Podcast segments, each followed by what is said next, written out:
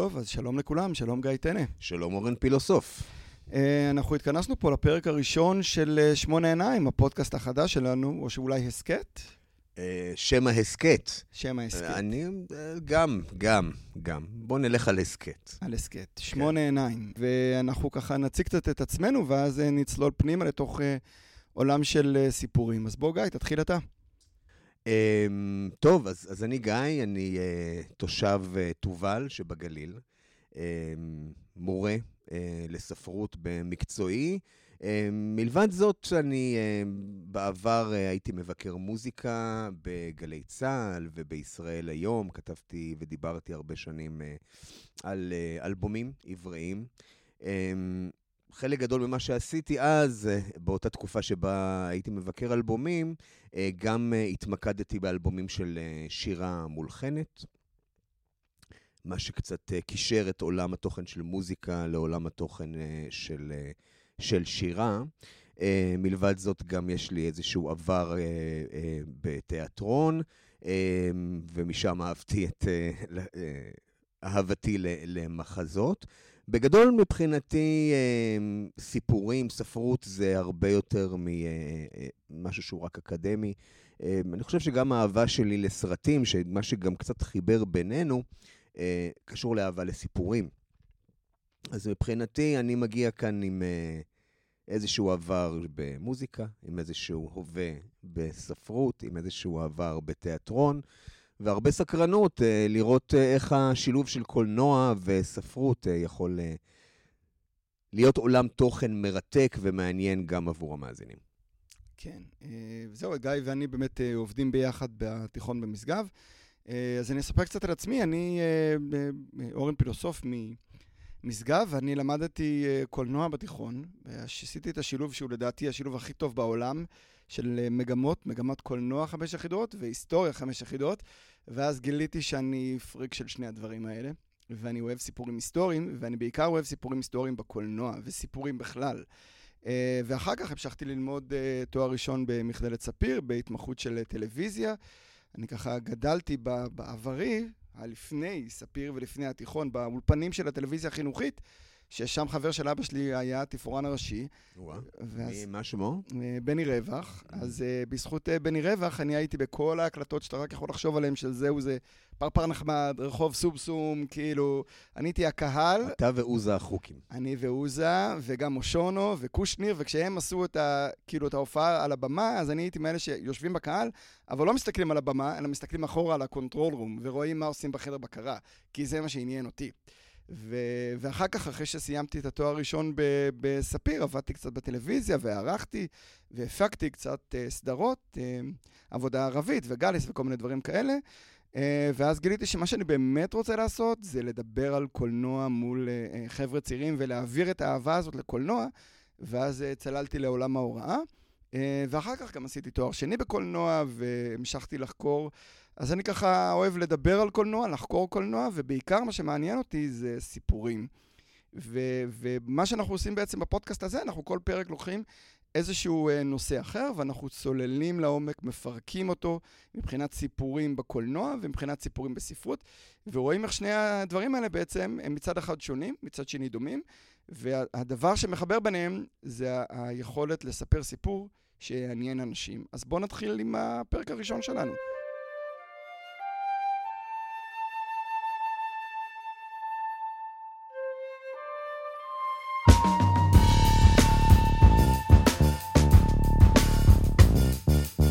שמונה עיניים, עם גיא טנא ואורן פילוסוף.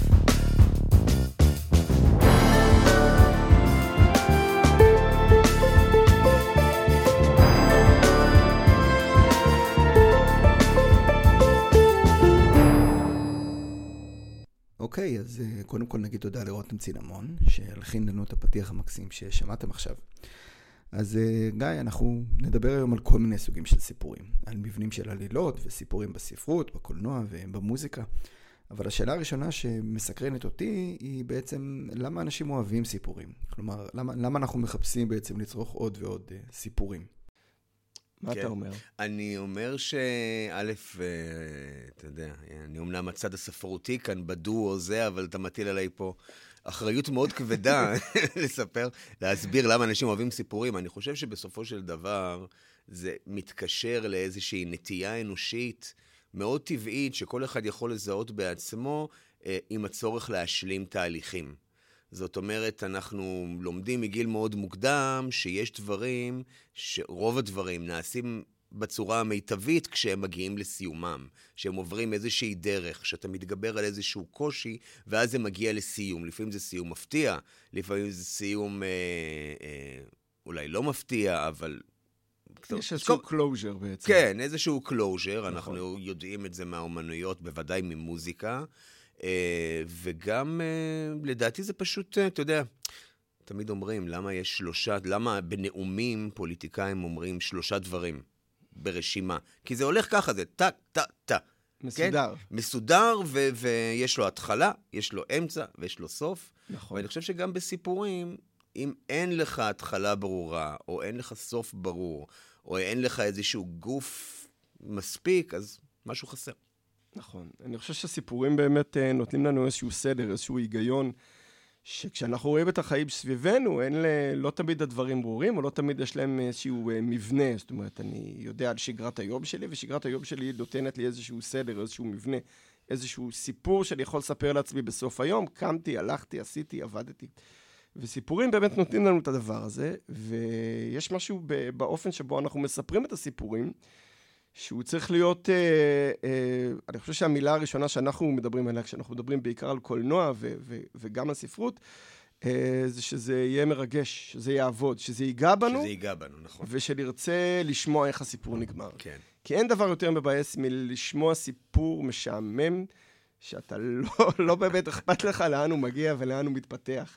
כן. ומשהו ב closure הזה שאתה דיברת עליו, זה אחד, ה, אה, אחד הבסיסים של מי שבעצם לומד לכתוב תסריט או לומד לכתוב סיפור, איך אני סוגר את זה.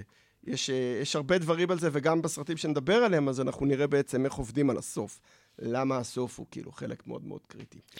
אבל לפני שאנחנו מגיעים לסופים, בואו ככה ניקח את זה צעד אחד אחורה ונתחיל בהתחלה. מה זה, איך בעצם סיפור בנוי? האם כל סיפור בנוי בצורה אחרת, או שיש לנו איזשהו מבנה או איזשהו משהו אה, אה, קלאסי. אז אני, אני אציג את מה שאני יודע, שאנחנו ככה תמיד לומדים עליו בקולנוע. מבנה הסיפור הקלאסי מתחיל קודם כל אה, באקספוזיציה. מה, מה זה אקספוזיציה? בוא תסביר לנו ככה על רגל אחת. אתה, לא, אתה נותן פה את המונח ואני צריך להסביר אותו. אני מרים לך להנחתה על הזה. טוב, אקספוזיציה זה למעשה ההתחלה של ההצבה של המרכיבים של העלילה בצורות שונות. יש אקספוזיציות שלמעשה מאוד ברורות והן כבר מאוד מהר, גם בספרות, בוודאי גם בקולנוע, אומרות, אלה הדמויות, זה השמות שלהם, זה המקום שבו הן חיות, וזו התקופה. נכון. כן, זה אולי שלושת הדברים המרכזיים באקספוזיציה. נכון. דמויות, זמן ומקום. ויש אקספוזיציות שהן אקספוזיציות בדיעבד. זאת אומרת, אתה, למשל, מי שראה את הסדרה משחקי הכס, למשל, והפרק הראשון בס, ב, ב, בסדרה הזאת, הסצנה הראשונה, הייתה מלאה בדמויות שאתה כמעט לא תראה אחר כך, אבל הן מאוד מאוד משמעותיות mm-hmm. לגבי ההבנה, לגבי מה הולך לקרות כמה עונות לאחר מכן. כן. זאת אומרת, זאת אקספוזיציה כמעט אמרתי דלה שמטה, אבל לא. רטרואקטיבית. אקספוזיציה פרה-אקטיבית. אמ, בקולנוע יש כן. עוד משהו אה, אה, נוסף שמאוד חשוב לנו, שזה אה, הצגת חוקי הסיפור. זאת אומרת, למשל, אם אני רואה סרט שבו אה, המציאות היא כמו המציאות שאנחנו מכירים, אז אנחנו מבינים את חוקי הסיפור. אבל אם אני רואה אקספוזיציה, למשל, כמו של Back to the Future, כן. אז שם אני די מהר מבין שיש לי עסק עם מדען מטורף, וכשהוא נמצא שם בחניון... אה, טווין פיינס הזה עם, אה, עם אה, מרטי בקפליי, אז אנחנו מבינים שאוקיי, אנחנו בתוך עולם שבו מתאפשר מסע בזמן, או אקספוזיציה של הארי פוטר, אז החוקים של העולם הם חוקים של עולם פנטזיה, או שר הטבעות, או כל אחד מאלה. אז העניין של חוקי עולם הסיפור אה, הוא מאוד משמעותי. אני מניח שיש גם בספרות הדבר הזה, אבל קולנוע זה מאוד ויזואלי, זאת אומרת, זה מאוד ברור לך אה, כדי לחבר אותך לז'אנר שאתה נמצא בו. כן, ונדבר בהמשך על ספרות זולה, ששם האקספוזיציה היא... נכון. היא יותר מתוחכמת. הרבה יותר מתוחכמת. איזה כיף שקוונטון שלנו ידע לעשות סרטים. נכון, ועשה עלייה בסוף. אמן. אה, אוקיי, אז אחרי האקספוזיציה בקולנוע, ואני מניח שגם בספרות, אנחנו מגיעים לשלב הבא שהוא ה-setting event, המאורע המחולל. מה, מה זה בעצם המאורע המחולל? המאורע המחולל זה למעשה מאורע שסביבו או עליו מושתת הסיפור עצמו. בלי מאורע מכונן, אין הבדלה בין הפייבל, העלילה, למעשה של סיפור על כל צורותיו, כן. יש צורות שונות לסיפור, ו- ו- וכמובן אה, קולנוע, אני מניח, אה, סרט. המאורע שלמעשה סביבו בנוי הסיפור. כן? שמניע כן, את העלילה. שמניע את העלילה, המאורע ש... זה, זה מה שנקרא הגביע הקדוש לתסריטאים. זאת אומרת, איפה אני מוצא את האירוע המרכזי, ש... או כמובן סופרים, שאני שהסופר, שהקורא, יבוא לסטימצקי ו- ויהפוך את הספר ויראה רגע על מה הספר הזה, יגידו, או, יש כאן uh, חזאי uh, אלמוני uh, שחזר מגלות בארצות הברית ומוצא, ומוצא... אני... נתת פה רעיון. כן, ומוצא איזושהי uh, תופעה uh, מטאורולוגית uh, לא ברורה שקורית רק מעל מצפה רמון וכן הלאה. אז הרגע שהוא מוצא, זה הרגע בעצם של המאורע המכוער. כן. נכון, זה גם מה שקורה בקולנוע. אה, המאורע המחולל בקולנוע, אנחנו אומרים שהוא בעצם יוצר אה, שתי אופציות לגיבור. זאת אומרת, זה הרגע שבו החיים של הגיבור מתפצלים ל... ישיג את המטרה או לא ישיג את המטרה, והמטרה נהיית ברורה. זאת אומרת, כשבאמת, אם סתם לקחתי את חזרה לעתיד, הרגע שמרטין מקפליי חוזר אחורה בזמן ל-1955, אז נפתחות שתי אופציות. אחת, הוא מצליח במשימה שלו, ההורים שלו, האמת שזה עוד לפני ההורים שלו, הוא מצליח במשימה שלו וחוזר חזרה להווה. כן. האופציה השנייה, הוא אכל אותה והוא נשאר תקוע ב-1955. עכשיו, כשהסרט מתחיל, שתי האופציות צריכות להיות, אה, מבחינתנו כצופים, ברורות אה, אה, ושוות. זאת אומרת, אנחנו אומרים, אין, יש יותר סיכוי לזה או יש יותר סיכוי לזה, בדרך כלל הסיכוי הוא שווה בדרך כלל.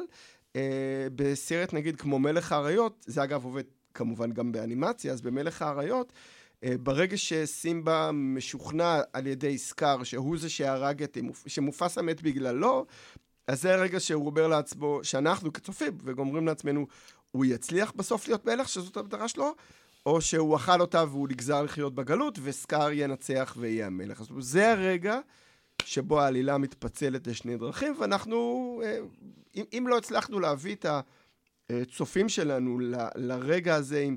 עם איזושהי מוטיבציה להמשיך לראות מה קורה, אז משהו כאילו לא עבד או באקספוזיציה או במאורע המחולל. כן. בנקודה הזאת, אם כבר העלית את מלך האריות, אז נדבר על הבסיס השקספירי שלו כמובן, כמובן. שזה המלט, ששם למעשה, אה, אה, שייקספיר עושה משהו מאוד, אה, מאוד מודרני ולא צפוי. האירוע המרכזי בהמלט למעשה קורה לפני המלט. זאת אומרת, לפני מתחיל? שהמחזה מתחיל, זאת אומרת, לא לפני, אבל אתה יודע, המוות של אבא של, אה, הרצח, כן, של, אה, של אבא של המלט בידי אה, דודו, אה, הוא זה שאחריו כל העלילה מתרחשת. ולמעשה, המלט והייסורים שלו הם המרכז כאן.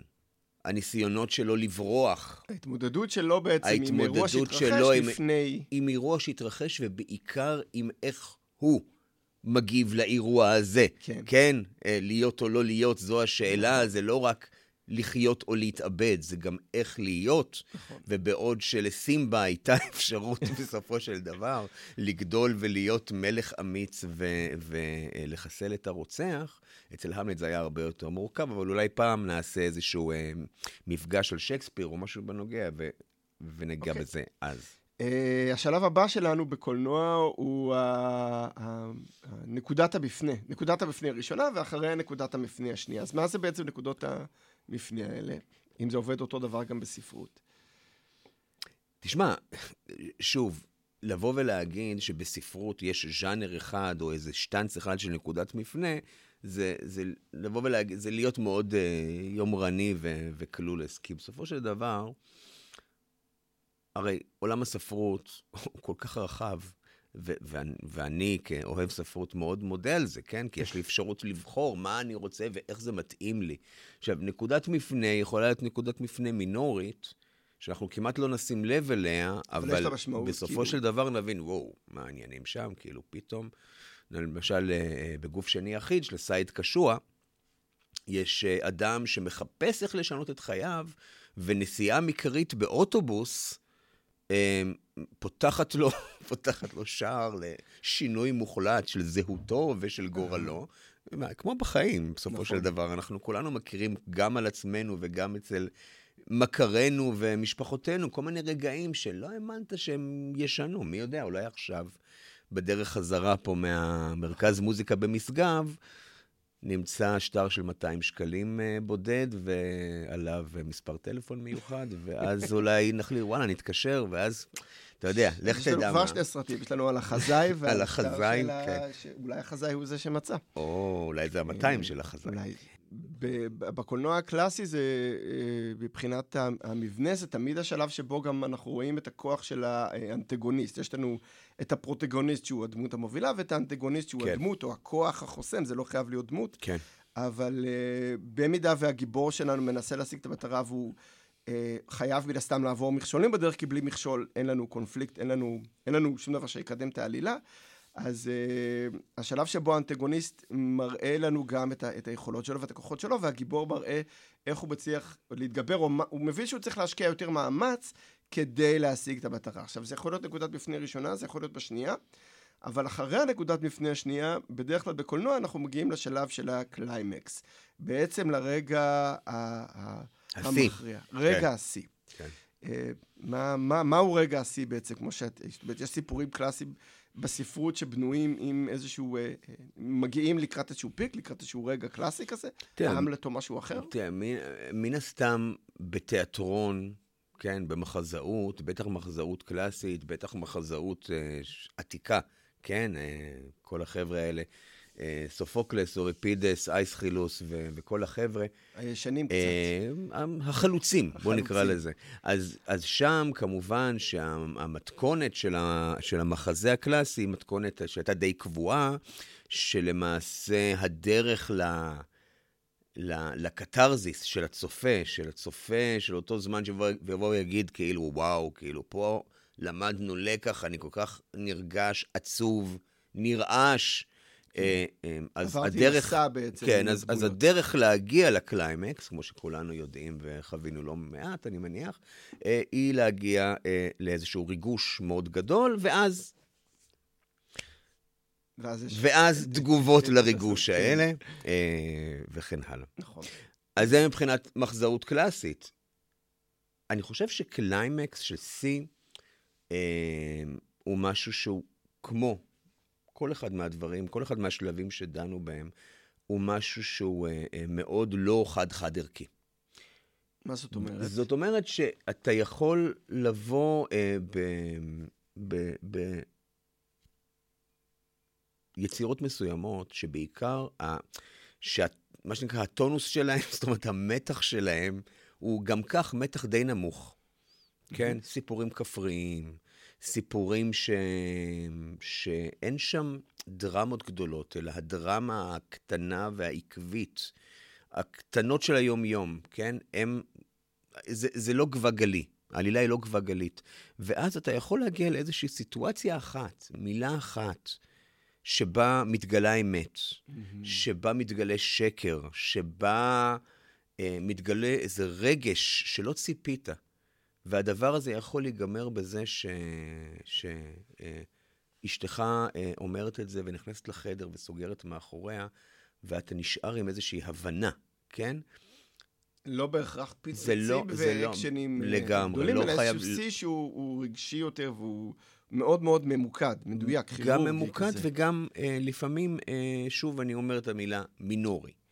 אוקיי? מה שכנראה יחזור ב- בדיאלוג בינינו, שאתה מגיע מקולנוע, ואתה גם רואה את, את מה שקורה, ואתה, אה, עבורך קליימקס הוא הרבה יותר In your face. in your גדול. face, בדיוק נכון. ככה, ובספרות הרבה פעמים אתה צריך to inhale it, כן? לשאוף את זה פנימה ולהגיד, או, או לשאוף, או, או, או להבין איזושהי הבנה שיכולה להיות, כאילו, וואלה, יש פה משהו, וואלה. ולא בהכרח כאילו, דלתות נסגרו כן, בטריקה גם וכאלה. הבנתי לאן זה לקח אותי עכשיו. כן. אני בכלל חובב של אה, ז'אנרים אה, אה, יותר פנטסטיים, ששם אה, גם, יש גם משחק עם העניינים האלה של הקליימקסים. אה, פנטזיה לאו דווקא אה, טולקין, למרות שגם אותו אני אוהב, יותר בסגנון של הרוקי אה, מוריקמי היפני ו- ו- וניל גיימן וכן הלאה. אה, חנון, כן. ושם גם יש משחק גם עם העניינים האלה. אני יכול לתת דוגמה קולנועית ל- לרגע כזה שעולה לי בראש, הערת שוליים של יוסף סידר, שברגע הקליימקס של הסרט, ממש בסוף שלו, ש... סליחה על, על הספוילרים, אולי יהיו פה עוד ספוילרים בהמשך. יהיו. אנחנו- יהיו הרבה, אני לא אבל, מוכן, אה, אה, כן, כן. אבל, אבל ב- ב- ברגע הקליימקס הזה, הדמות הראשית, אני אנסה למזער את אה, נזקי הספוילר, אז יושבת שם ונופלת לה התובנה לגבי מה שקרה. בטקס חלוקת פרסי ישראל, ואנחנו ביחד עם הגיבור מבינים את הרגע הזה, ואין פיצוצים ואין רעשים, יש את האירוע הזה ברקע, יש אותו, יושב לבד. אבל כל- מה כל שמתחיל לבעבע, כאילו. יש שם איזה דרמה משפחתית, נכון. ויש שם דרמה של כבוד, שמתחילה לבעבע בסיטואציה הזאת, ותלווה אותנו להמשך.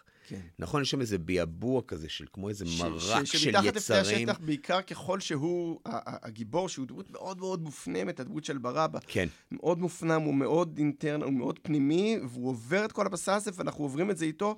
עם, עם המינימום דיאלוגים שבר אבא עשה אי פעם בחייו, לדעתי, באיזשהו דיאלוג, כן. באיזשהו סרט, סליחה.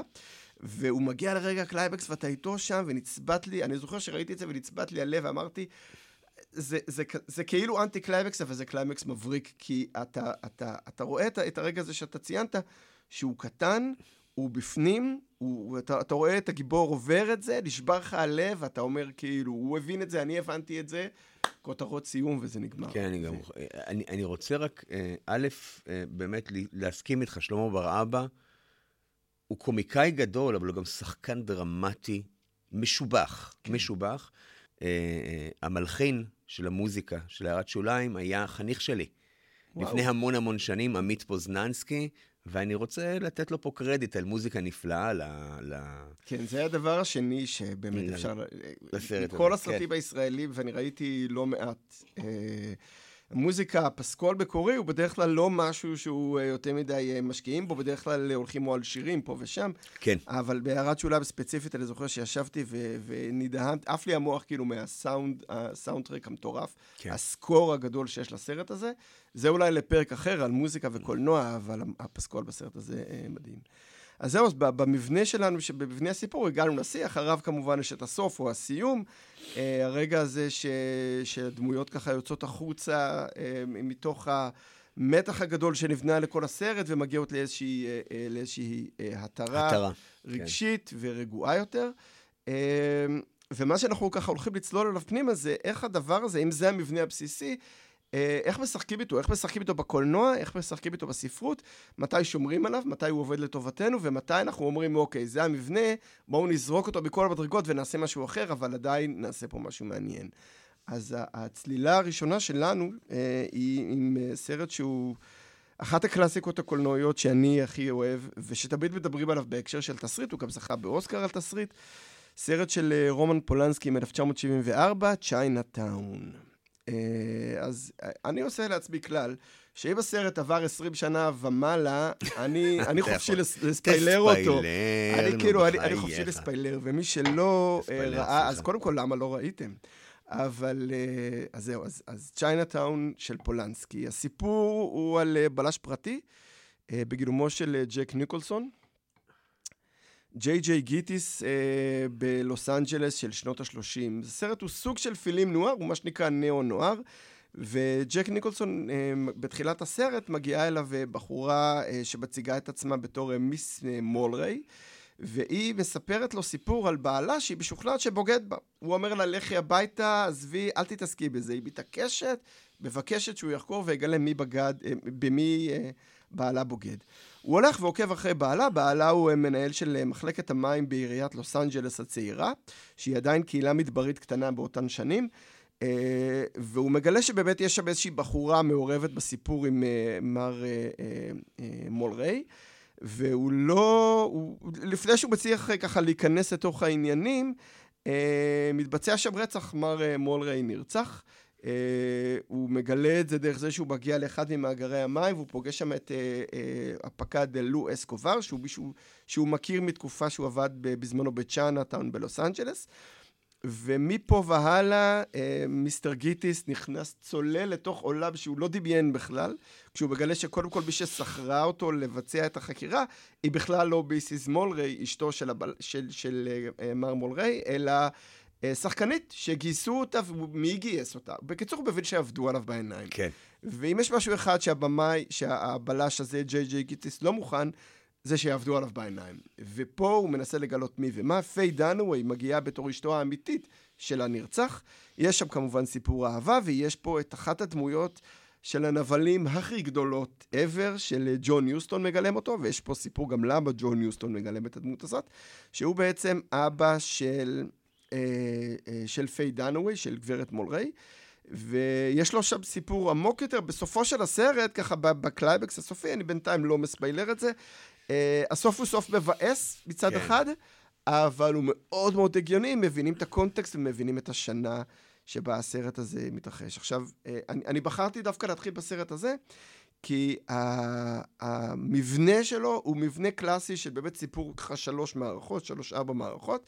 הוא עובד לפי הכללים, יש מאורע מחולל, יש אה, אקספוזיציה, יש נקודות, יש הכל, אבל זה עשוי כל כך טוב וכל כך מהודק, ויש שם חוט החוט השני שהם שוזרים לאורך כל הסרט, הסיפור הזה של צ'יינאטאון. ומה כן. זה צ'יינאטאון? למה הסרט נקרא צ'יינאטאון? נכון.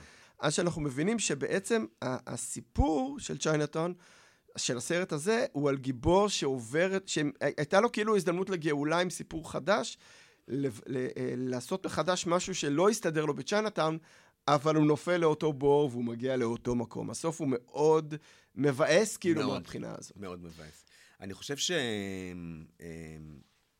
אני ראיתי את הסרט הזה לקראת הפודקאסט פעם שנייה אחרי שראיתי אותו לפני המון המון שנים, אז מבחינתי זה היה כאילו פעם ראשונה. ו... א', הוא משוחק לעילה ולעילה. ג'ק ניקולסון, אתה יודע, קטונתי. אה, באמת, אה, אה, משוחק נפלא. יש שם משהו ב... אתה דיבר, אמרת פילם נואר. עכשיו, כן. לטובת מי שלא יודע מה זה פילם נואר, אז אני אומר במילים של הדיוטות, שמדובר בסוג של אה, סרט אה, בלש, אה, מאוד מסוגנן, מאוד קלאסי, לא מתוחכם מדי מבחינת עלילה, לא מתוחכם מדי מבחינת פירוטכניקה, בלש, אישה, רומן, שקרים, מסתורין, מישהו מת, אחר כך עוד מישהו מת, לפעמים עוד מישהו מת, נכון. ובסוף אה, אה, יש שברון לב. עכשיו, אה, צ'יינאטאון באופן ספציפי הוא כאילו סרט אפל שמודע לז'אנר, אבל הוא לא באמת שם. זאת אומרת, הוא לא, אה, הוא לא בשחור לבן. כן. הבלש אה, הוא לא super hero שמנצח בסוף את הכל. הוא כאילו מתייחס לסגנון הזה ו- ומציג take off חדש עליו. take off שהוא של שנות ה-70. כל הזמן חשבתי על שני references שיש לי ל... לסרט הזה ולעלילה שלו, אה, ושניהם הם references קומיים, במפתיע. אוקיי. אחד מהם זה Who Framed Roger Rabbit. אה, ששם, כן, זאת אומרת, הבלש, אה, שכחתי איך קוראים לו, מי שיחק אותו? אדי ואליאנט. אדי ואליאנט. מי ששיחק אותו זה בוב הוסקינס. בוב הוסקינס, נכון. אז זה לגמרי... זה לגמרי זה. ישר חשבתי על ג'סיקה רביט כמובן, אה, ועל צ'יינאטאון כלוני טון. לוני טון זה פשוט זה. ודבר קצת פחות מתבקש, שאני לא יודע אם אתה מכיר, אבל אם תרצה, אני הולך להעביר עליו קורס בקרוב, זה הסרט אה, העיר הזאת, של... ג'ימבו ג'יי. של פדרו גראס וג'ימבו ג'יי, כן. נכון? אה, עמית אולמן, שיצא הקיץ, ולמעשה מדובר על אופרת ראפ בלשית, שמבית היוצר של תיאטרון האינקובטור. כבר מ-2011 לדעתי זה משחק, ולפני שנתיים-שלוש אה, התחילו להפוך את זה לסרט, וזה יצא כן. לאקרנים אה, הקיץ. קיבל תגובות אה, מטורפות all over. אני חושב שבצדק, אני מאוד אוהב, גם מבחינה ספרותית, גם מבחינה קולנועית, וגם זה סוג של פרודיה. מה זה סוג? זאת פרודיה על הפילם נואר, ואני מאוד מאוד ממליץ לך לראות, ואם לא תרצה לראות, תבוא לקורס שלי, שאני מעביר על הסרט. זה בין היחידים שבאמת לא הגעתי אליהם עדיין, למרות כל ההמלצות שקיבלתי, טרם הספיק אותי, אבל אולי עד שנשדר את הפודקאסט אני אשלים את הפער. יאללה. איכשהו. מקווה שלא אה, ייקח הרבה אבל זמן. ג- תראה, צ'יינאטאון אה, אה, הוא... הוא, הוא מודע למה שהיה, וזה זה גם העניין ברוג'ר רביט. זה סרטים שמודעים לפילם נואר, הם מודעים לסגנון הסיפורי הזה, הם מודעים לרעיון של הבלש, של האישה, של התעלומה, של איך אני, איך אני מוביל את הצופים איתי בתוך המסלול הזה, כשמצד אחד אני לא רוצה לתת להם יותר מדי אינפורמציה, מצד שני אני, אני כן רוצה שהם יהיו איתי כאילו וילכו איתי את כל הצעדים שאני מגלה את התעלומה.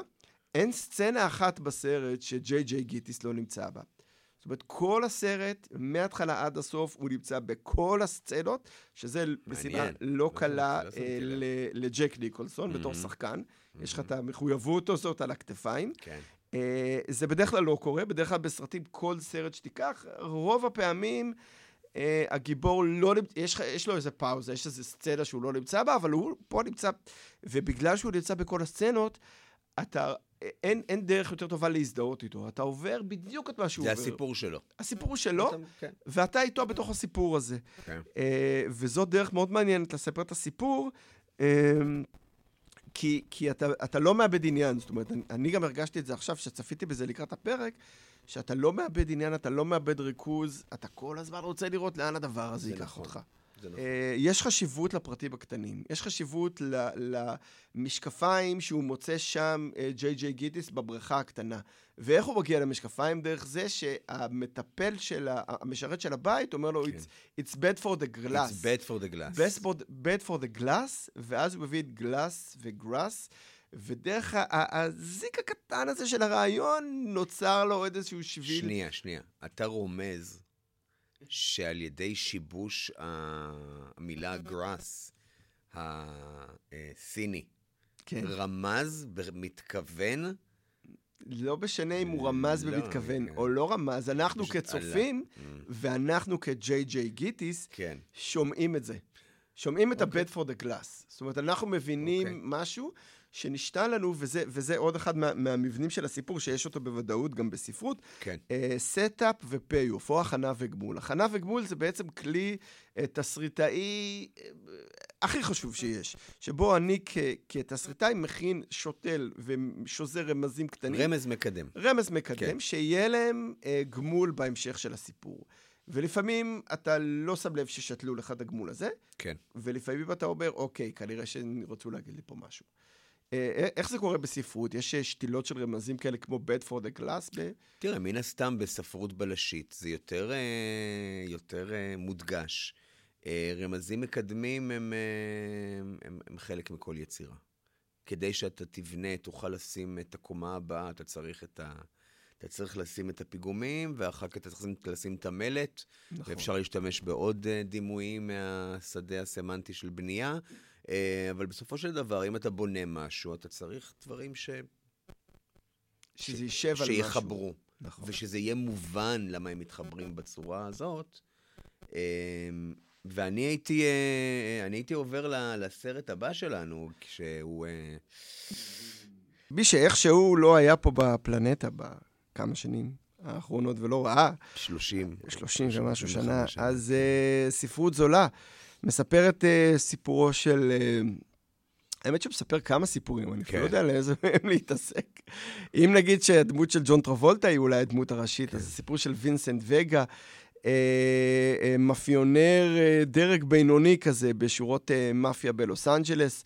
אה, קורותיו וקורות אה, חבריו, הדמות של אה, אה, ג'ולס, של אה, סמואל ג'קסון, ברוס וויליס בתור מתאגרף, אה, בוטש שמגיע שם בסיפור, כן, אומה טורמן. שמסרב למכור את, ה, למכור את הקרב, ויוצא נכון. לחיים חדשים, נכון. עם הצ'ופר של זד. ואומה תורמן, ואומה תורמן, את אה. אשתו של מרסלוס וואלס, שהוא ה big כן, המאפיה שם. כן, כן.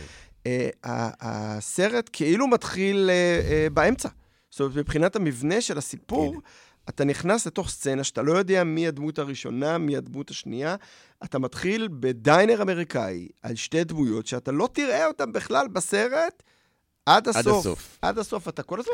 דיברנו על אקספוזיציות, נכון. נכון?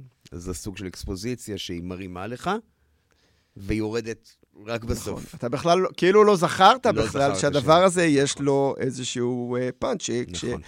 כשג'ולס ו- ווינסנט וגה אומרים, בוא נלך לאכול ארוחת בוקר, ואז הם אה, מוצאים את עצמם אה, ב diner, שפתאום אתה מסתכל, אתה אומר, רגע, אחד, אני ראיתי את ה diner הזה לפני שעה וחצי. נכון. זה אותו ה diner מאז. תשמע, באותה תקופה, אני, כל מי שהוא אה, יליד שנות ה-70, פחות או יותר, זוכר שה nineties היו העשור של טרנטינו.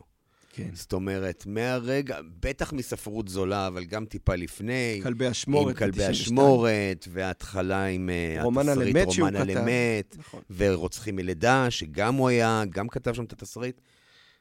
שספרות זולה יצא, זה היה בכל מקום. בכל מקום שמעו את הפסקול, נכון. כולם ציטטו, כולם ראו את זה 300 אלף פעם. ג'ון טרבולטה עשה את הקאמבק של הלייף. כן. סמיואל אל ג'קסון היה כוכב על, וזה היה מדהים. נכון.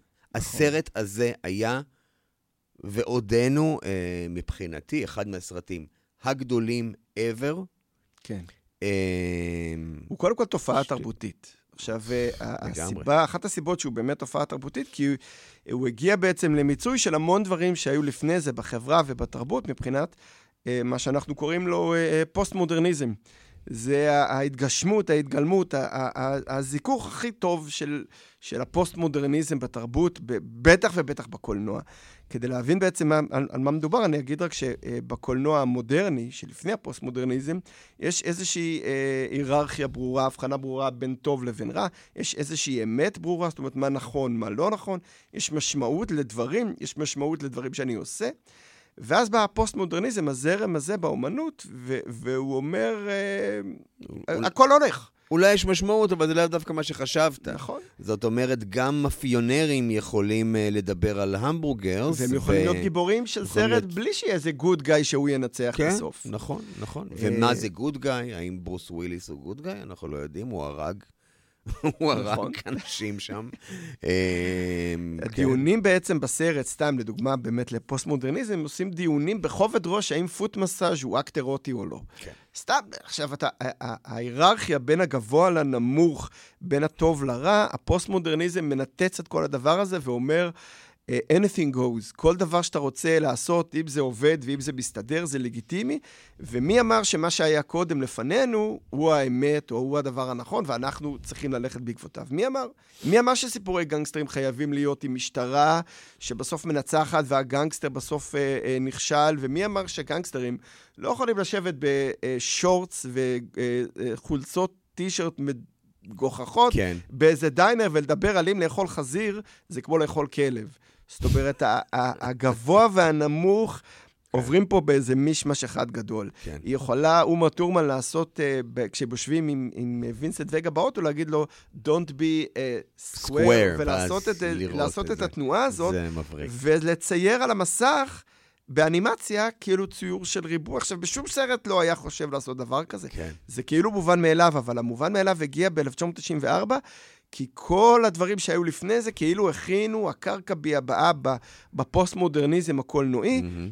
אה, כלבי אשמורת היה באמת הכנה לזה, ששם באמת בסצנת הפתיחה יושבים ומדברים על שיר של מדונה, כן. ביחד עם אה, האם צריך להשאיר טיפ או לא להשאיר טיפ, ומי שעושה את זה זה חבורה של מאפיונרים שהשמות שלהם בכלל לא ידועים, קוראים להם בשמות של צבעים. כן. זאת אומרת, הכל בהכל בעצם.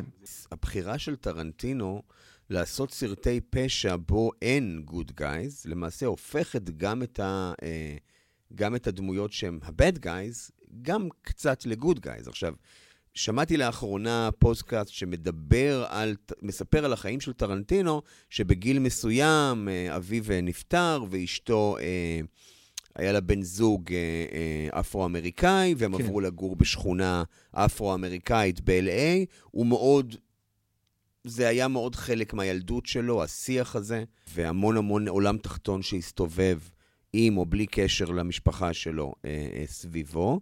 הוא מאוד, הוא שוחה בזה מאוד בנוח, ואני חושב שאחד מהדברים המאוד... אה, אם נתרכז ב, באמת במרכיב אחד ש, שאני רציתי לקשר אותו לעולם הספרות, זה באמת צמד, ה, אה, צמד המאפיונרים, נכון, הם. וינסנט וגה ו...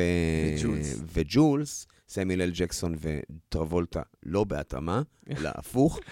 אז למעשה נכנסים שני אה, מאפיונרים לתוך דירה של סטודנטים. מפחידים, די מהר מישהו, אה, הם הורגים אחד מהסטודנטים, ומשרים אימה וטרור. עכשיו, הזוג הזה מבוסס על סיפור של המינגווי, של ארנסט המינגווי, שנקרא הרוצחים. הסיפור הרוצחים למעשה מתרחש בתקופת היובש, שבו שני מאפיונרים נכנסים לתוך uh, דיינר ומחפשים uh, שוודי אחד, ענק, שנקרא אולה אנדרסון, והם uh, מחפשים אותו, מחפשים אותו, והכוונה שלהם היא לא טובה, הוא חייב להם משהו. אני מניח שגם המתאגרף הזה היה אולי השראה למתאגרף של ברוס וויליס. כן, כן למרות בוטש. שהם מאוד מאוד שונים לבוטש, ו... והם פשוט משאירים שם טרור. והאימה הזאת, שיש לאדם הממוצע מול אדם שהוא לא רק אלים, אלא אלים, מוכן לנהוג באלימות, וגם מוכן לספסר באלימות הזאת ובמוכנות הזאת, כדי לבוא ולהגיד, אל תתעסק איתי, ואני גם נהנה מזה. כן. משתלט לחלוטין זה. על הסיטואציה ועל נכון, המקום, שולט ב- במקום. בכוחנות. בכוחנות, ב- בסוג של הומור מעוות, ואנחנו יכולים להסתכל על הזוג הזה, על ג'ולס ווינסנט, שבהרבה מאוד uh, שלבים של העלילה מעוררים בנו אמפתיה וסימפתיה. בעיקר ב Bonnie כן. Situation, בסוף של הסרט, שהם תקועים עם גופה שאין להם מה לעשות איתה. אז, בפ- אז טוב, שם זה סיפור... אבל זה אה, סיפור זה. זה סיפור אחר. אבל, אבל כן, יש כאן ממש אה, אה, מובאה, reference ל- ליצירה קלאסית נכון. של סופר זוכה פרס נובל, כמובן, המינגוויי הוא מגדולי הספרות האמריקאית, שמוצא את דרכו גם ל script של טרנטינו. אמ, אוקיי. אני זה- אומר, אה, כן, בואו נעשה איזה Adaptation. Adaptation. כן. אז Adaptation, אם דיברנו כבר על ספרות, אז, אז uh, uh, הסרט הבא שלנו, Adaptation של ספייק ג'ונס, סרט מ-2002, uh, שכשאני אומר שהתסריטאי שלו הוא צ'רלי קאופמן, אז אני צריך להגיד שגם דונלד קאופמן כתב את התסריט, כי הוא כן. שותף בקרדיט, אבל דונלד קאופמן לא קיים. לא קיים. אין איש כזה, אבל בקרדיטים של הסרט אתם תמצאו את דונלד קאופמן. דונלד קאופמן הוא האח הדמיוני שצ'רלי קאופמן התסריטאי המציא. עכשיו, הסיפור של זה, וזה איך מספרים את הסיפור של Adaptation. הולכים להתחלה ממש, כן. ומספרים איפה זה התחיל. זה התחיל בזה שצ'רלי קאופמן, בן אדם אמיתי, תסריטאי אמיתי, שכתב את uh, להיות ג'ון מלקוביץ' בין היתר, ואת uh, שמש נצחית בראש צלול. אז הוא uh, קיבל סרט שנקרא uh, uh, גנב הסחלבים של סוזן אורלין, ספר אמיתי שקיים ונמצא ואפשר לקנות אותו. והוא אה, קיבל משימה להפוך את זה לסרט. והוא קורא את זה, וקורא את זה, וקורא את זה, ולא מצליח. ומה שהוא אמר זה שהוא לא מצא מבנה סדור, הוא לא מצא היגיון נרטיבי, שאני יכול להגיד, אוקיי, הדמות הולכת א', ב', ג', קורא לה ככה, מאורע מחולל, נקודת מפנה. הוא לא הצליח. וכשהוא לא הצליח, הוא ישב וכתב וכתב ולא הצליח. ואז פתאום עלה הרעיון של הוא יכתוב את עצמו לתוך הדבר, הוא יכתוב את הסרט על הניסיון שלו לכתוב סרט. ומה יקרה לגיבור שהוא יכתוב בסרט? זה יהיה גיבור שינסה לכתוב סרט על גנב הסחלבים, ולא יצליח, ואז הוא יכתוב את. זה כמו... כן. אה, אה, מראות, אה, מראה בתוך מראה בתוך מראה. נכון, ומדברים כן. על זה גם בסרט, כי בסרט הדמות של דונלד קאופמן קיימת. צ'רלי קאופמן כתב את עצמו לתסריט בתור דמות, אבל הוא גם הוסיף את דונלד קאופמן, את שניהם משחק ניקולס קייג' כן, באחת אני, ההופעות. אני אגב לא הייתי בטוח עד הסוף שדונלד קאופמן באמת קיים בסרט. Mm, מה זאת אומרת? לא הייתי בטוח. גם לא כשראית הייתי את ה- בטוח, גם כשראיתי אותו וגם כשראיתי אותו מדבר שם עם אנשים, אני לא הוצאתי מכלל אפשרות שמדובר באיזושהי הזיה. הזיה אה, אה, שבה צ'רלי קאופמן רואה את מי שהוא היה רוצה להיות, למרות ההתנשאות הבלתי נגמרת שלו על אחיו, כן. שהוא די דביל, כן?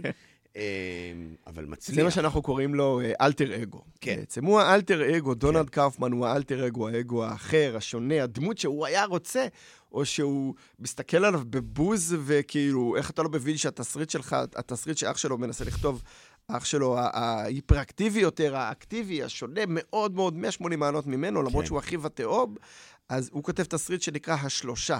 ואחד הדברים שהוא עושה כדי לתאר את התסריט הזה לצ'ארלי, למרות שהתסריט הזה מופרך לחלוטין, זה שהוא אומר לו שיש שם אה, דימוי של אה, אה, דמות שהיא גם השוטר, גם הפושע, גם החוקר, גם כל מיני דברים כאלה, השלושה. כן.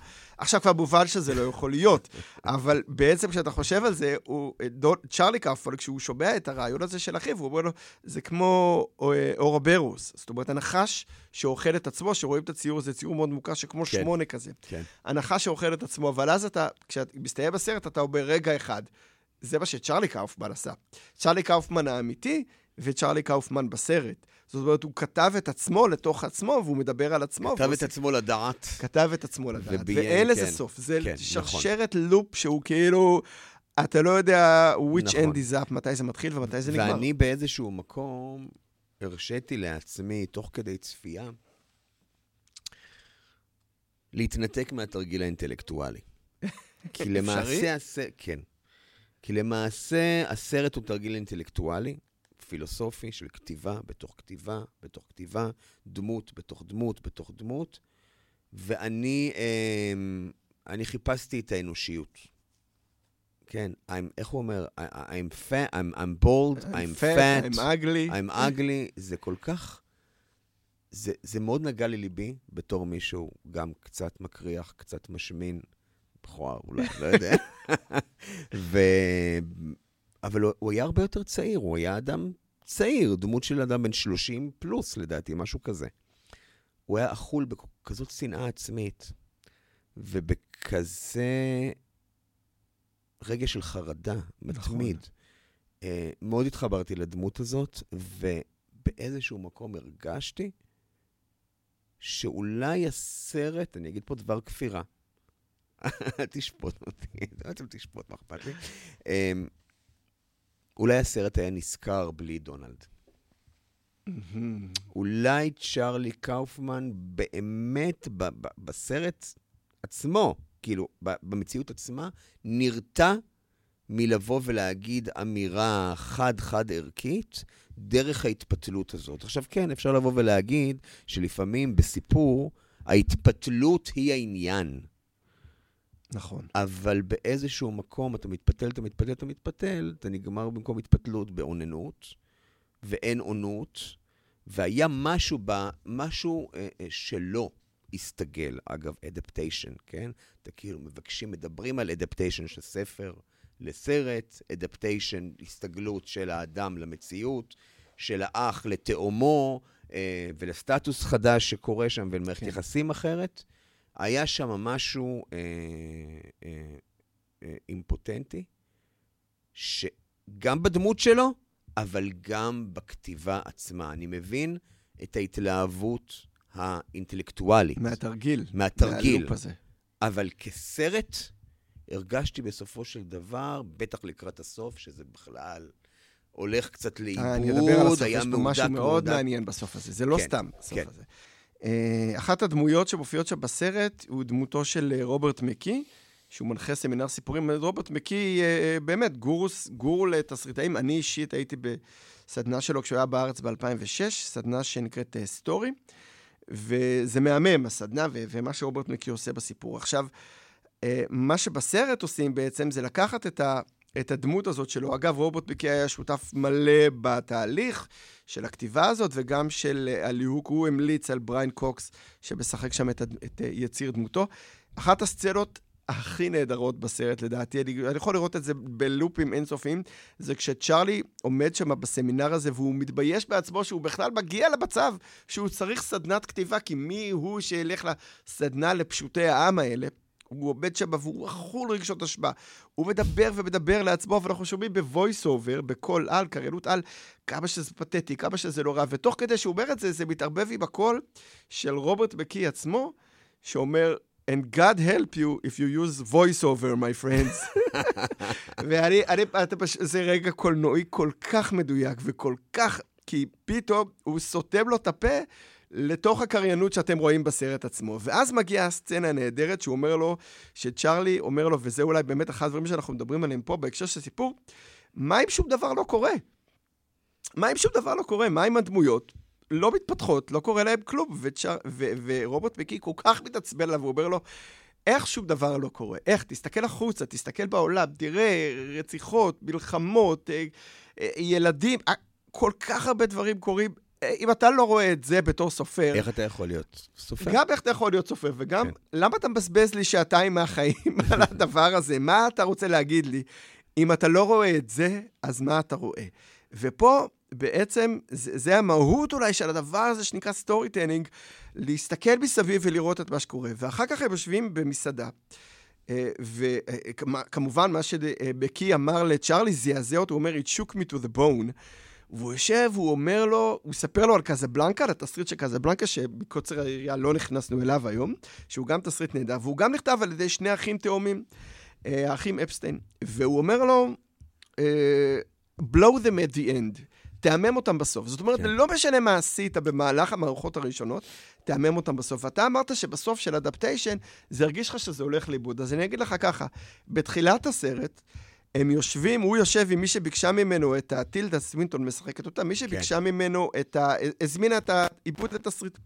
והוא אומר לה, תקשיבי, אני לא רוצה שזה יהיה סוף הוליוודי, אני לא רוצה שיהיה שם דמויות שלומדות לקחים על החיים, אני לא רוצה סיפור אהבה, אני לא רוצה להפוך את זה למשהו הוליוודי, אני לא רוצה אה, מרדפי מכוניות ויריות. ומה קורה בסוף של הסרט? נכון. מרדפי מכוניות, יריות, סיפור אהבה, דמויות שלומדות לקחים על החיים, וכשמקי אומר לו, אה, blow the bad end, זאת המערכה האחרונה, הוא אומר לו, תשקיע במערכה האחרונה. והמערכה האחרונה של Adaptation היא בדיוק אחת לאחד. כל הדברים שהוא אמר שהוא לא רוצה ונכנסו, וכל הדברים שמקי אמר לו לעשות, הוא עושה.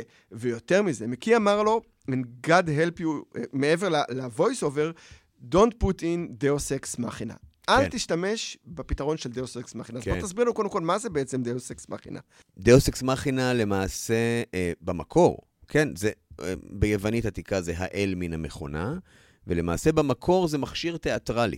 מכשיר תיאטרלי שלמעשה אה, זה היה מנוף שהיה אה, מוצב מאחורי הבמה, מאחורי הקלעים בתיאטרון היווני העתיק והתיאטרון הרומי העתיק, שבו מדי פעם, כאשר האלים היו צריכים לבוא ולפתור את התסבוכת בנתונים הגיבורים, אז היו מעלים את האל מאחורי הקלעים אה, כדי שהקהל יראה אותו דרך המנוף הזה, ואז האל היה למעשה אה, מופיע פתאום, מגיח, או האלה, ופותרת את התעלום, פותרת את התסבוכת. מבחוץ. לא זאת אומרת, ההסתבכות. האנושית, הרבה פעמים גם בגלל האלים, אבל נשים את זה אה, במקום אחר כרגע, האל למעשה אה, אה, פשוט התערבות חיצונית. התערבות חיצונית שפתרה את הבעיה, והמון פעמים, גם על זה דיברתי רק אתמול בבית ספר, על הדאוס אקס מכינה, אה, והמון פעמים כשנראה שאין פתרון והתסבוכת גדולה, פתאום מגיע איזה משהו עם כוחות גדולים, ופותר, נכון. ומתיר את הסבך. הדוגמה הקלאסית שאני מדבר על זה, זה תמיד כיפה אדומה. Mm. כי כיפה אדומה יש לה מטרה, והיא יוצאת למסע, והיא אמורה להביא לסבתא את האוכל, והזאב טורף אותה וטורף את הסבתא, אבל אה, מי שאתה מצפה שיפתור את הבעיה בכיפה אדומה, או בכלל בסיפור, הוא הגיבור, אבל פה אין גיבור, הגיבור בבטן של הזאב, אז אין... ואז כן. מגיע הדאוס אקס מכינה, שהוא הצייד, הדמות החיצונית, שהוא כמובן הגבר, שפותר את הבעיה. בדאוס אקס מכינה, ב Adaptation, זה הרגע שבו התנין שמה טורף את אחת הדמויות, וזה בדיוק הדאוס אקס מכינה שמקי אמר לו להיזהר ממנו, וזה מה שקורה בסוף. אוקיי. אבל איך זה מחבר אותנו בו בו אה, ל Memento? תשמע, Memento אה, הוא סרט שבו יש אה, מציאות אה, recurring, כן? היא כל הזמן, כל הזמן חוזרת, אבל בדרך אחרת. נכון. ואתה אתה מתחיל את הסרט בדפיסיט של ידע, אתה לא מבין מה קורה, אתה לא יודע מי הגיבור. כל פעם נחשפים עוד ועוד פרטים, עוד ועוד דמויות. הדמויות פועלות זו כנגד השנייה. מסתבר שהדמות הראשית היא דמות שאיבדה זיכרון בעקבות אירוע טראומטי. אנחנו לא יודעים עד כמה האירוע הטראומטי אה, רחוק, קרוב, כן באשמתו, לא באשמתו. אנחנו יודעים שהגיבור הראשי למעשה מנסה לבוא ו- ו-to figure things out, להבין מה קורה, לפענח, והדרך היחידה שלו לשמור על ודאות היא קעקוע אמיתות מסוימות על הבשר. קעקועים, literally קעקועים. קעקוע על הבשר. נכון. אמ, שזה לכשעצמו מאוד חזק, מאוד יעיל, מכשיר דרמטי וסיפורי מאוד מאוד יעיל. ו... ו... ואין ספק ש... ש... עכשיו, לגבי דאוס אקס מכינה, בסרט הזה, אתה כל פעם חושב שפתאום איזה משהו יגיע ויפתור כאן את העניין הזה. אבל אתה ביחד איתו, כמו שראינו בצ'יינאטאון, שאתה אתה, אתה, אתה רק עם הגיבור. נכון. גם כאן, בממנטו, הסיפור הוא רק עם הגיבור, וכמו שהוא מבולבל, הוא עושה לפעמים רושם של מאוד בטוח בעצמו. כן. אבל הוא, הוא, אין לו על מה להישען, אלא רק על הקעקועים שלו, שגם אותם אנחנו מבינים באיזשהו מסוים שאנחנו לא בטוחים שאותם קעקועים הם באמת. משדרים את האמת. אמיתות. נכון. Uh, הנה, וכבר עשינו לצ... למאזינים בדיוק את מה שכריסטופר נולן עושה פה, התחלנו מהאמצע ולא אמרנו אפילו מה קורה בהתחלה. זה באמת התהליך שהסרט עושה. הסרט משנת 2000 של כריסטופר נולן, התסריט הוא כתב עם אחיו אה, ג'ונתן נולן, על פי סיפור, ג'ונתן נולן הוא, הוא סופר בהתחלה. הם אה, שניהם באים מהעולם של הכתיבה, גם כריסטופר וגם ג'ונתן. וגיא פירס משחק בתפקיד הראשי, ג'ו, אה, ג'ו פנטוליאנו, לא טעיתי בשם, וקריאן מוס בתפקידים. שכמובן שניהם שיחקו שנה קודם, שנה או שנתיים קודם במטריקס. במטריקס. כן. Uh, התעלומה הזאת שהגיבור uh, uh, מנסה ל- ל- לפתור במהלך הסרט, אנחנו עוברים את זה ביחד איתו. זאת אומרת, הת- תעלומת הרצח או הפשע, מי, מי רצח את אשתו, זאת התעלומה. והוא היה בעברו סוכן ביטוח, אה, אה, חוקר, סליחה, של, של תביעות ביטוח.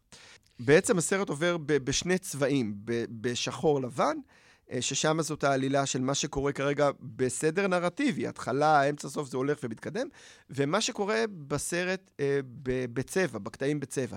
עכשיו, בגלל שהגיבור שלנו, הוא סובל מאובדן זיכרון לטווח קצר, הוא בעצם זוכר פרק זמן של משהו כמו 5-6 דקות, ואז הוא מאבד את הזיכרון. ובחמש-שש דקות האלה הוא משתמש במצלמת פולרויד כדי לצלם או לתעד דברים שבהמשך הוא יקעקע. כן. עכשיו, מה, מה עושה כריסטופר נולן בסיפור שלו? הוא מעביר אותך את אותו תהליך. אתה כל פעם רואה את החמש דקות האלה, אתה מנסה להבין מה קורה, אתה לא מבין מה קורה, הלכו החמש דקות, נגמרו, אתה חוזר לסצנה הקודמת שהייתה לפני זה. אתה עובר את אותו תהליך, אתה בעצם לא צופה פסיבי. את האלומה הזאת ש, ש, שהגיבור מנסה לפתור, אתה חייב לפתור אותה בעצמך, ואתה מרגיש כל פעם שאתה יודע משהו, ואז אתה חוזר סצנה אחורה. והצלחת? לפתור, כי אני לא הצלחתי לפתור. ואני חושב שבאיזשהו מקום תמיד הייתה לי תחושה שבעצם הוא עשה את זה כבר. כל מה שהוא ניסה לעשות, כל הפתרון של התעלומה הזאת שהוא עשה, הוא כבר עשה את זה, הוא כבר מצר. יכול להיות שהוא זה שבעצם, כאילו, חוק, הוא חוקר את עצמו. הוא חוקר את ה... אולי משהו שקצת מזכיר את, ה, אה, אה, את הסיפור של אדפטיישן. כן. את, ה, את הלופ האינסופי הזה שהוא היה בו, והוא לא, לא יצא ממנו. הוא לא יצא ממנו. אין לו דרך לצאת ממנו, בדיוק. כי כל דבר שהוא מקעקע, בסופו של דבר, זה, זה, זה בהתחלה היה העובדה, אבל הקעקועים האלה בסופו של דבר הופכים גם הם למשהו כן. שאתה לא לגמרי בטוח שהוא נכון. כן, וכמובן השם, ממנטו, כן? מה, מה עם השם? מלשון ממנטו מורי, כן, נכון. הידוע, נכון. זכור, את ה... זכור את הרגע. אמ, הזיכרון. נכון. כאילו, הרגע. זה, העניין כאן. כל הזמן מתעסק בעניין של הזיכרון, איך אני זוכר, מה אני זוכר, מה אני זוכר. וגם איך שאר בני האדם מגיבים נכון. לסוגיית הזיכרון, וגם איך בני האדם מגיבים לאנשים פגיעים, שלא מודעים לפגיעותם. הוא כל הזמן אומר... I have this condition. I have this condition. אבל זה הרבה מעבר לקונדישן. זה חלק ממה שמגדיר את הדמות שלו בעצם. נכון, וזו נכות, זו נכות קשה. הוא לא מסוגל, הוא לא מסוגל. זאת אומרת, יש כאן, זה, שוב אני חוזר, אולי בפעם, לדעתי שלישית בפודקאסט הזה, לאנושיות של הדמות. האנושיות שזו, היא הסיפור עצמו, הרעיון. כן, הליבה של הרעיון. כן, זאת אומרת, יש כאן, הרעיון הוא אחלה. הרעיון הוא מעניין, אבל לדעתי יש המון המון רעיונות מדהימים שמוגשים לסרטים, שמוגשים לאורחים. מה שהופך את הרעיון, את הקור הזה, את הגרעין הסיפורי המעניין ליצירה סיפורית או ו/או קולנועית משובחת, זה אה, מי האנשים, מי הדמויות, אוקיי? מי הדמויות כן. שפועלות סביב הרעיון הזה, עד הרעיון הזה, בהשראת הרעיון הזה, כתוצאה מהרעיון הזה. כן. אוקיי? אם הוא היה דמות לא מעניינת, אוקיי? אני לא יודע אם המנטו היה עובר את... נכון. Uh, מקבל תקציב ומופק. נכון. זה אגב סרט uh, חצי עצמאי, הוא לא באמת קיבל יותר מדי תקציב, זה לפני שכריסטופר נולן נהיה כריסטופר נולן של בטמן ואינספשן ואינטרסטולר וכל הסרטים האלה, אבל מה שהוא עשה פה בעצם, הוא, הוא הניח מבחינה קולנועית uh, uh, תולדות הבמאי, נגיד את היסודות, למשהו שהוא יחזור עליו בכל הסרטים שלו, שזה המשחק דרך עריכה ודרך תסריט במבנים של זמן, כן. במבנים של נרטיב. הקולנוע של כריסטופר נולן הוא מה שנקרא מטה-קולנוע. הוא קולנוע על, על תהליך הקולנוע, על זיכרון, על תפיסת מציאות. האם uh, uh, בטמן של כריסטופר נולן דומה במשהו של בטמן של, לבטמן של ג'ואל שומאחר, או טים ברטון? Uh, שמיים וארץ, זאת אומרת, זה עולם אחר לגמרי. אבל זה אינטרס... מבנה של זיכרון אבל אחר. אבל אינטרסטלר מאוד מזכיר באיזשהו אופן את ממנטו. נכון. משום שה... ו- וזה מאוד מוזר להגיד את זה, כי זה סרט מאוד מהודק, וזה סרט אפי כמעט, כן? כן. אה, שהוא בדיוני, הוא כן, מדע בדיוני וכן הלאה, וזה סרט מאוד אמריקאי. בוא נאמר, הדמויות של ספרות זולה מסתובבות באזור באותה, שם באותו אזור שם ב-LA. אני מניח שזה LA, כן. אם אני... זה. כן, כן. אבל, אבל באמת, הכיסים האלה של הזמנים, נכון. המשחק של הזמן, כאן זה, כאן זה אחרת, אבל זה עדיין, כמו שאמרת, יש איזה משחק ב... ב אה, במבנה. במבנה הליניארי של החיים, שהוא מאוד, אה, אה, מאוד מאוד מעניין ומאוד מאפיין. ואני חושב שאולי כדאי שנקנח ברעיון שלנו לפינה מוזיקלית. כן. אז בוא תציג, זה שלך. כן, אתה יודע, אני...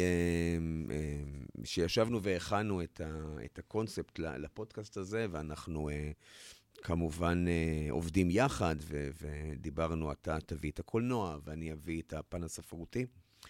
אז אמרנו שאולי ניגע גם בעניין אה, מוזיקלי, אה, בלקחת בכל פרק שנעסוק בו, יש את הנושא המאחד, הנושא, הנושא המארגן, כאן זה הבניית הסיפור, והיות ואני גם קשור באיזשהו מקום לעולם המוזיקה, הייתי בעבר מבקר מוזיקה בגלי צה"ל, זה היה כבר לפני כמה וכמה שנים, אבל עדיין אני מאוד מאוד קשור בטבורי אה, לעולמות מוזיקליים. אז אה, חשבתי על אה, שיר שמאוד, אה, שהוא, אני מכיר אותו מילדות. שלושה מדל, שלוש מדלתות ארונות אה, חדר ילדותי היו אה, עם אה, נייר עיתון כזה גדול והמילים של השיר האלה. השיר הזה ממש רשומות שם, וזה אה, שיר שהוא... אה, מאוד סיפורי. יש לו גם uh, התחלה מעניינת, יש לו דמויות מעניינות. כמובן שהעיבוד המוזיקלי וההפקה עם הבחירה של הכלים היא מאוד uh, קשורה לאווירה. אני, אני תמיד תפסתי את זה כימי ביניימית. מאוד. Uh, אנגלית כזאת, למרות שהשיר הוא אמריקאי, והיוצרת סוזן וגה היא אמריקאית. Uh, והשיר נקרא The Soldier and the Queen. Uh, ו... שמא The Queen and the Soldier? לא, אני, אני תמיד, לדעתי. The Queen and the Soldier. אה, אני, okay. אני אקרא לזה ברשותך The Soldier and the Queen, כי yeah. ככה זה נחקק אצלי. Okay. אוקיי. ויש בו סיפור מאוד מעניין עם סוף פואנטי. כן, סוף שאנחנו... אתה אמרת שדווקא הוא כן צפוי, נכון?